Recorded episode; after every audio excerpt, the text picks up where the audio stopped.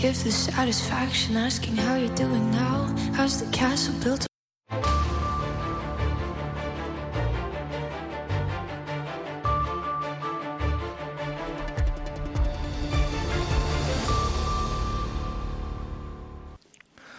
halkani waa laanta af soomaaliga ee idaacadda v o a oo aad ka dhegeysanaysaan muwjadaha gaagaaban efemada geeska afrika iyo caalamka oo dhan oo aad nagala socotaan v o a somaly com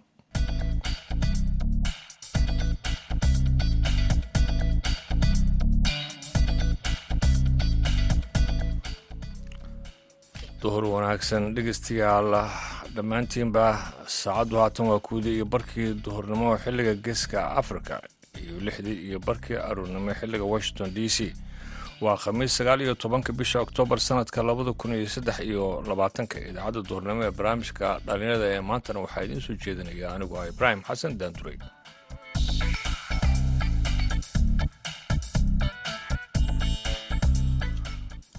qodobada aad ku dhegeysan doontaan barnaamijka dhalinyarada maanta. Waxaa ka mid ah dhalinyaro isxilqaamay oo dhadhaab ka bilaabay howlo lagu caawinayo qaxootiga cusub dadkaas oo u kala baxsan dad guryo haysanin reewaanan qoysas fara badan.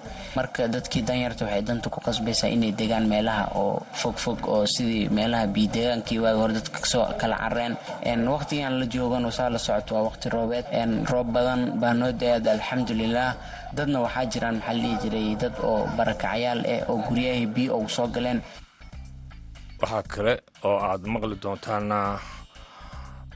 gabdho kulan aqoon iswadaarsi ah loogu qabtay magaalada boosaaso. Heesihiina waan idiinaynaa hase yeeshee waxaa ka soo horrayn doonaa warkii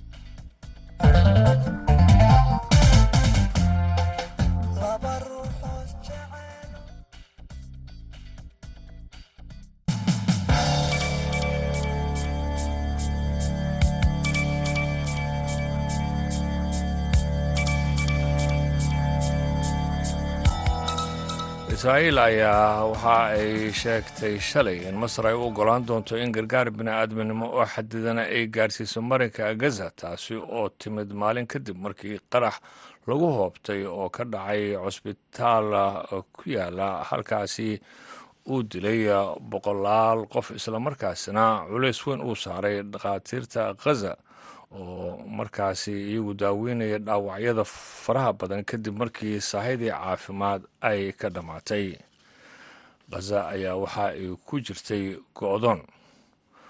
Waxaa jira warar iskhilaafsan oo ku saabsan cidda ka dambeysay qarax. Markaasi cusbitaalkaasi ka dhacay iyadoo ay xamaas ay qaraxaasi ay ku eedeysay duqeyn cirka ah oo ka timida dhanka israa'iil. Waxaana ay sheegtay in lagu dilay boqolaal halka israa'iilna ay beenisay inay ku lug leedahay weerarkaasi.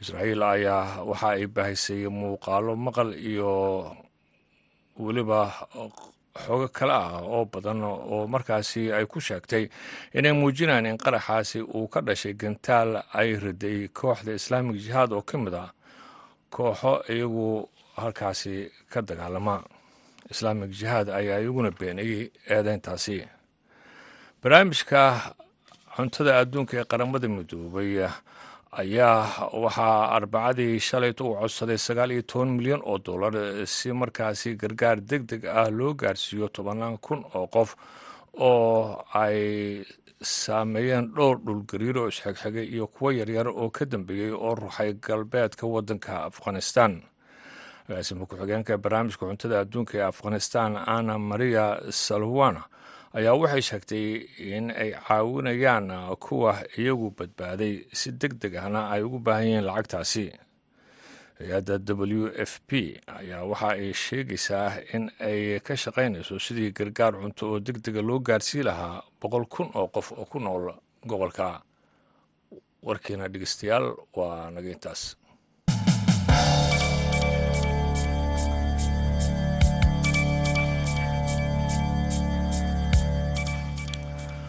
door wanaagsan ayaan mar kale idin leeyahay. Dhallinyaro isxilqaantay ayaa waxa ay bilaabeen olole lagu caawinayo qaxootiga cusub oo markaasi aan guryaha haysan oo ku sugan xeryaha dhadhaab kuwaasi oo ay saameeyeen roobaba ka da'ay halkaasi. Abubakar xuseen abubakar oo isagu qeybka dhalinyadaasi kana mid a ayaa waxa uu u waramay wariyeena cabdi saan salas. Cabdisalaan sidaa la socoto labada sano la soo dhaafay saa ogeed qaxootiga waxaa soo galaayeen rayd cusub oo dad cusub oo micnaha qaxootiya oo magaalada ku cusub oo deegaan cusub oo maxaa la dhihi jiray ka soo careen dara iyo awaaraha. Dadkaas oo u kala baxsan dad guryo haysanin waanan qoysas fara badan.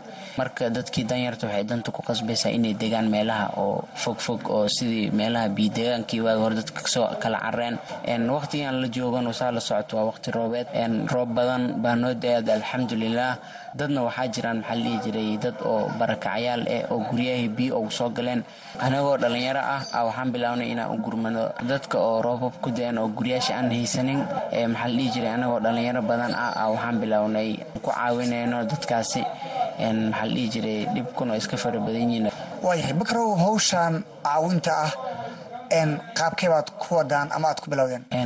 Anaga waxaan bilaabnay anagoo dhalinyaro ah waxaan bilaabnay dadkii oo roobka saameeyey inaan ka soo guurino meelaha oo biyaha degaayeen ay degnaayeen aan u soo dejino meelaha oo qaleelka oo biyaha aan degaynin maxaa jiray? Dhibkan uu iska badan yahay. Maanta haddaa aragto saa isku dhehaysid laba qoys dhibaato haysato. Markii adig dhexgasho aa fiiriso dhibaatada inuu iska badan yahay markaa aragto wallaahi maxaa jiray? Waa wax aad iyo aad looga xumaado. Maxaa jiray? Anaga ka dhalinyaro ahaan waxaan rabnay inaan tusaale u noqono dadka kale aan u noqono hormuud maanta haddii noola arka inagoo dadka caawinayno beri waxaa laga yaabaa kumanaan qof anaga sabab aan u noqona soo baxan inay dadkan kala caawiyaan. Soo maxaa la dhihi jiray? Alxamdulilah hoosh way noo kala socotaa si nabadan ku kala wadanaa. Waa tahay waxaa sheegtay inay yihiin dad aan guryahaysan oo caawin u baahan. Ololihiinan inaad dadka wax gaarsiisaan ma gaarsiisan yahay? Cabdisalaanow maxaa la dhihi jiray? Ololaha waan bilownay. Anaga horta dhaqaale oo nagu filan ma haysano. Alxamdulilah laakiin waxaan bilownay dadka ganacsatada inaan u tagno qofkii busta heli karo qofkii bac heli karo qofkii maacun heli karo dadka walaalood waxa ugu taraan. Anaga horta dhaqaale saas noogu filanna ma haysano laakiin waxaan wadnaa tusaale unbaan wadnaa iyo iska dad kicin. Maxaa la dhihi jira hadda alxamdulilah ganacsada qaar way nagu taageereen. Arrinta sidaan rabna way nagu socotaa. Waa tahay dadkan waa dad u baahan gurma deg deg ah oo waa dad baahan oo aan dabcan cunto ku filan aan heli karin. Marka dadaaladiinan mu aragtaa kuwa meel dhal noqon karo maadaama dadka ay gaajaysan yihiin cabdisalaan maxaa la horta waxana kiciya waxay tahay digniinta oo maxildhaha oo hay'adaha sameynayeen oo sida inay roob weyn soo socdaan fatahaad. Maxaa la dhihi jiray? Marka inkastoo anagana wixii aan sidaa isku sii diyaarinin wixii lama filaan ku imaadeen hay'adaha qaar waan la socodsiinay. Maamulka oo maxaa jiray xaryaha qaxootigana waa wada ogyihiin insha allah kole waxaan jeclaan lahaa inaan gurmud intaan ka sii badan aan helno insha allah waa tahay bakarow ololihiinan ma gaarsiisan culimada iyo qeybaha kale bulshada tan kalesa maxay tahay waxyaabaha aad u adeegsanaysaan inaad dadkan fariimaha gaarsiisaan cabdisalaanow maxaa la dhihi jiray codkeena horta insha allah meel fog inuu gaari doono aan rajeynayaa.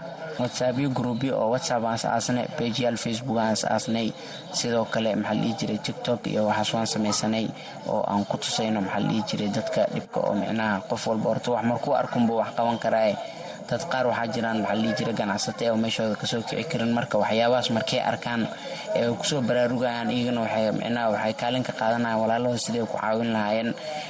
Ummadda muslimiinta soomaaliyeedna waxaan ka codsan lahaa in ay dadka maxaa la jiray oo abaaraha haystaan dadka ka hooseeyaan ay micnaha si gaar u soo eegaan. Insha allah ilaahayna uuna garab qaban doona insha allah waayahay bakarow ugu dambeyntii fariinta aad siinayso bulshada gaar ahaan dhalinyarada maxay tahay ee ku dhageysanayo ee ku hadla afka soomaaliga? Anagoo u hadlayo dhalinyarada soomaaliyeed dhihi lahaa doorka aan bulshada ka leenahay aan kor u qaadno yaan iska dhigin dad wax qabsan karin laba qof hadday isku imaado wax way qabsan karaan.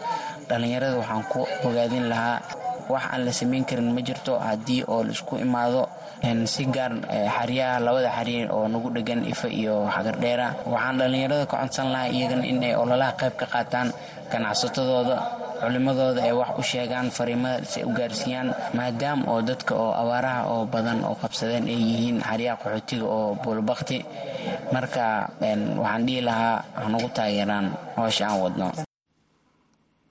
kaasina dhegeystayaal wuxuu ahaa abuubakar xuseen abuukar oo ka mid ah dhallinyaro isxilqaantay ee xeryaha dhadhaab wuxuuna u warramayey waryaheena cabdisalaan salas. Haatana dhegeystayaal waxaad ku soo dhowaataan heestan uu qaadayo idlayare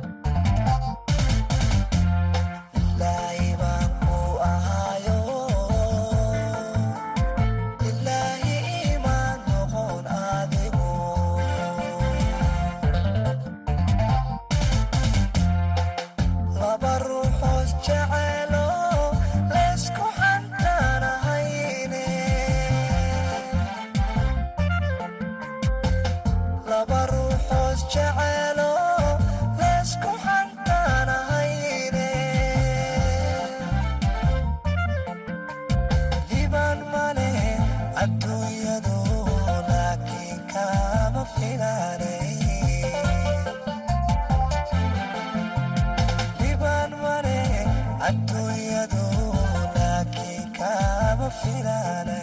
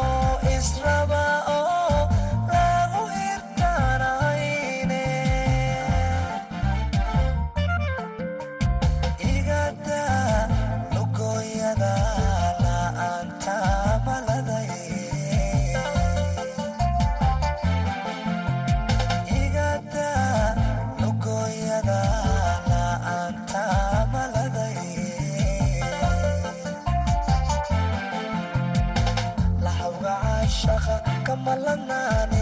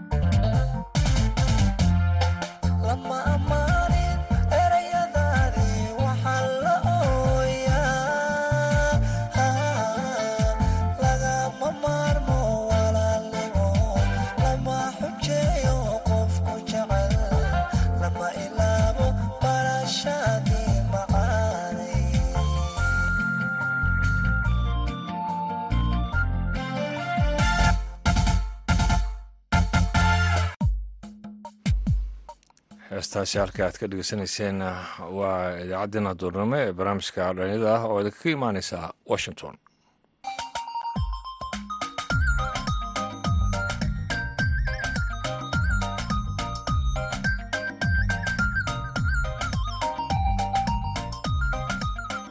Bandhiga v o a. Barnaamijka bandhiga v o a waa barnaamij idinku tala gashay laanta af soomaaliga ee v o a bandhigga v o a waxaad khamiis walba kaga bogan kartaa qormooyin kala duwan oo la xidhiidha taariikhda iyo aqoonta guud dhaqaalaha sharciga iyo samafalka.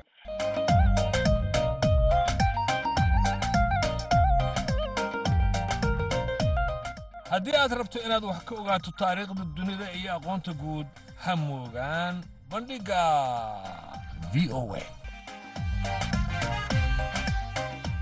bandhiga v o e kala soco laanta af soomaaliga ee v o e maalin kasta oo khamiis ah.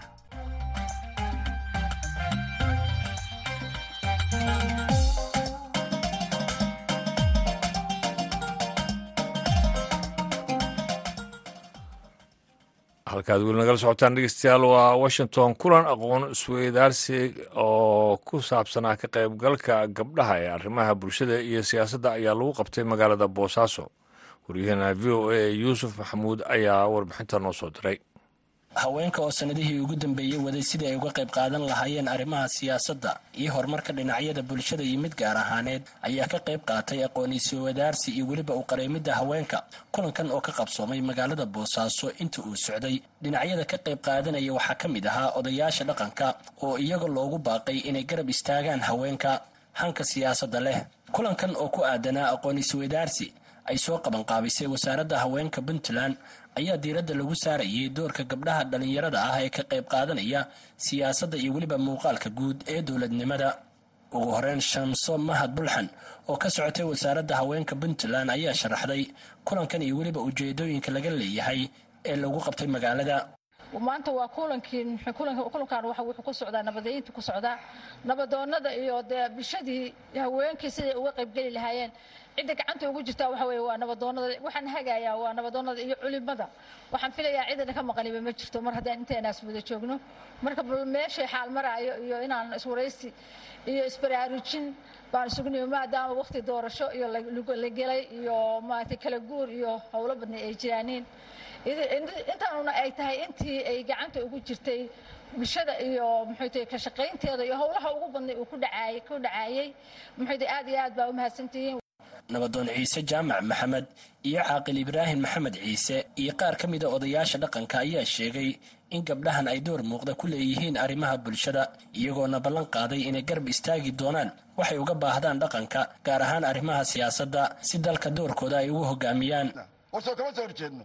Waxaan leenahay marka gabdhuhu horta halkaasay ka fadal qaadahayaan. Waa ka dhex baxeen qabiilkii iyo odaygii iyo ciddii iyo haddana waa ogtihiin intay kaga soo baxeen baarlamankii intay ku soo baxeen. Meel walba gabdhaha ka soo baxay. Shayga laga hadlayaa marka waxa weeyaan annagu waxaan u taagannahay oo sheegnay haddaanu dhaqankii nahay inta i maqlaysiyo inta garataba gabdhaha waa garab taagannahay waa ka hornilaynaa waa u ogollahay weliba aad waxaan u danaynaya saddex maado kor baan u gaadhsiinahayaa saddex qaybood oo dalku ka dhisan yahay.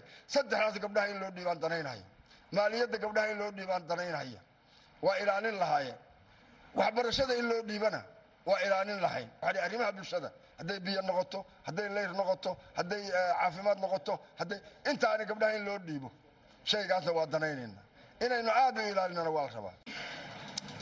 Waxaan qabaa dumarku arrimaha bulshada waddanka ka socda boqolkiiba toddobaatan iyaga hadda fuliya.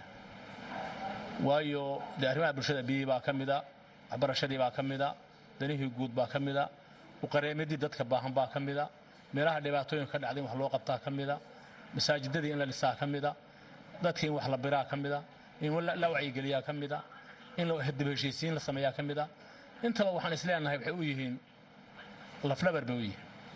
Su'aasha marka maanta soo celisay waxay tahay bal in la ego odayaashu inay ku qanacsan yihiin. Laweeba hayaan waa ku qanacsannahay gabdhuhu inay intaa qabtaan waana ku faraxsannahay waana hoos tegaysaa waxyaabahee doodeennii hore oo wixii shareecadda islaamka ay u diiday mahay wixii kale shareecaddu u fasaxday way qabanayaan waana ku fiican yihiin. Oo inay wax qabtaanin markii kartidooda la eego waxyaaba rag badan oo rag ay kaga fiican yihiin baa jira.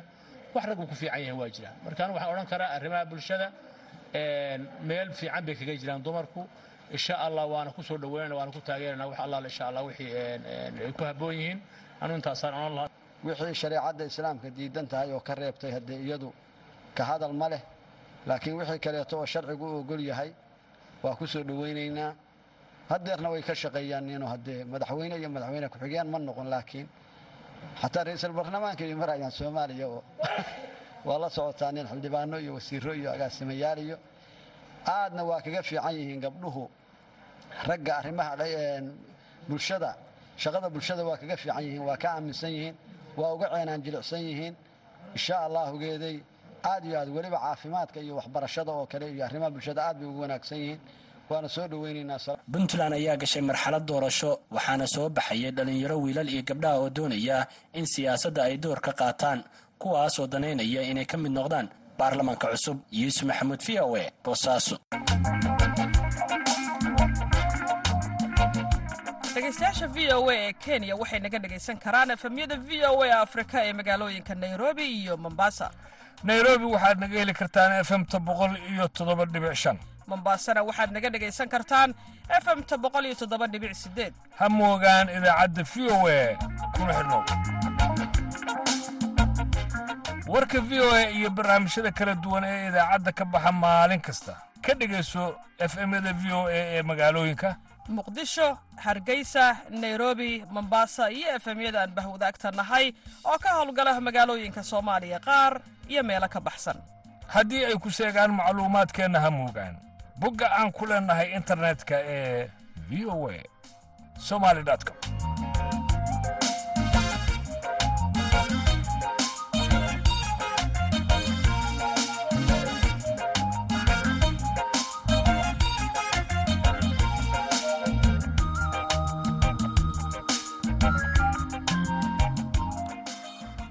duhur wanaagsan ayaan dhegeystayaal markale idin leeyahay halkaad weli nagala socotaana waa washington. Israa'iil ayaa waxa ay arbacadii sheegtay in masar ay u ogolaan doonto in gargaar bini-aadminimo oo xadidan ay gaarsiiso maraykanka gaza taasi oo timid maalin kadib markii qarax lagu hoobtay uu ka dhacay cusbitaal oo markaasi boqolaal qof ay ku dhinteen islamarkaasina culeys weyn uu saaray dhakhaatiirta khaza oo daaweynayay dhaawacyada faraha badan kadib markii saahidii caafimaadka ay ka dhammaatay waxaa jira warar iskhilaafsan oo ku saabsan cidda ka dambeysay qaraxa kooxda xamaas ee khaza ayaa waxa ay si deg dega ugu eedeysay in israa'iil ay ceerka ka duqaysa halkaasi iyadoo sheegtay in lagu dilay boqolaal halka israa'iilna ay beenisay inay ku lug leedahay weerarkaasi. Waxayna israa'iil baahisay muuqaalo maqal iyo xogo kale ah oo badan oo ay ku sheegtay in ay muujinayaan in qaraxaasi uu ka dhashay gantaal ay riday kooxda islaamig jihaad oo ka mid a kooxo iyagu ka dagaalama khaza islaamig jihaad ayaa iyaguna beeniyey eedeyntaasi barnaamijka qaramada midoobay u qaabilsan cunnada adduunka w f b ayaa waxa uu shalay codsaday sagaal iyo toban milyan oo dollar si gargaar deg dega loo gaarsiiyo tobanaan kun oo qof oo ay saameeyeen dhowr dhulgariiro oo sheegxigay iyo kuwo yaryar oo ka dambeeyey oo ruuxay galbeedka dalkaasi afghanistan agaasima ku-xigeenka barnaamijka cuntada adduunka ee afghanistan ana maria salwana ayaa waxa ay sheegtay in ay caawinayaan kuwa iyagu badbaaday ayna si deg dega ugu baahan yihiin lacagtaasi. Hay'adda w f b ayaa waxay sheegtay in ay ka shaqaynayso sidii gargaar cunto oo deg dega loo gaarsiin lahaa boqol kun oo qof oo ku nool halkaasi. Warkiina dhegeystayaal waa naga intaas haatanna bal ku soo dhowaada heestan aan idiin soo qaban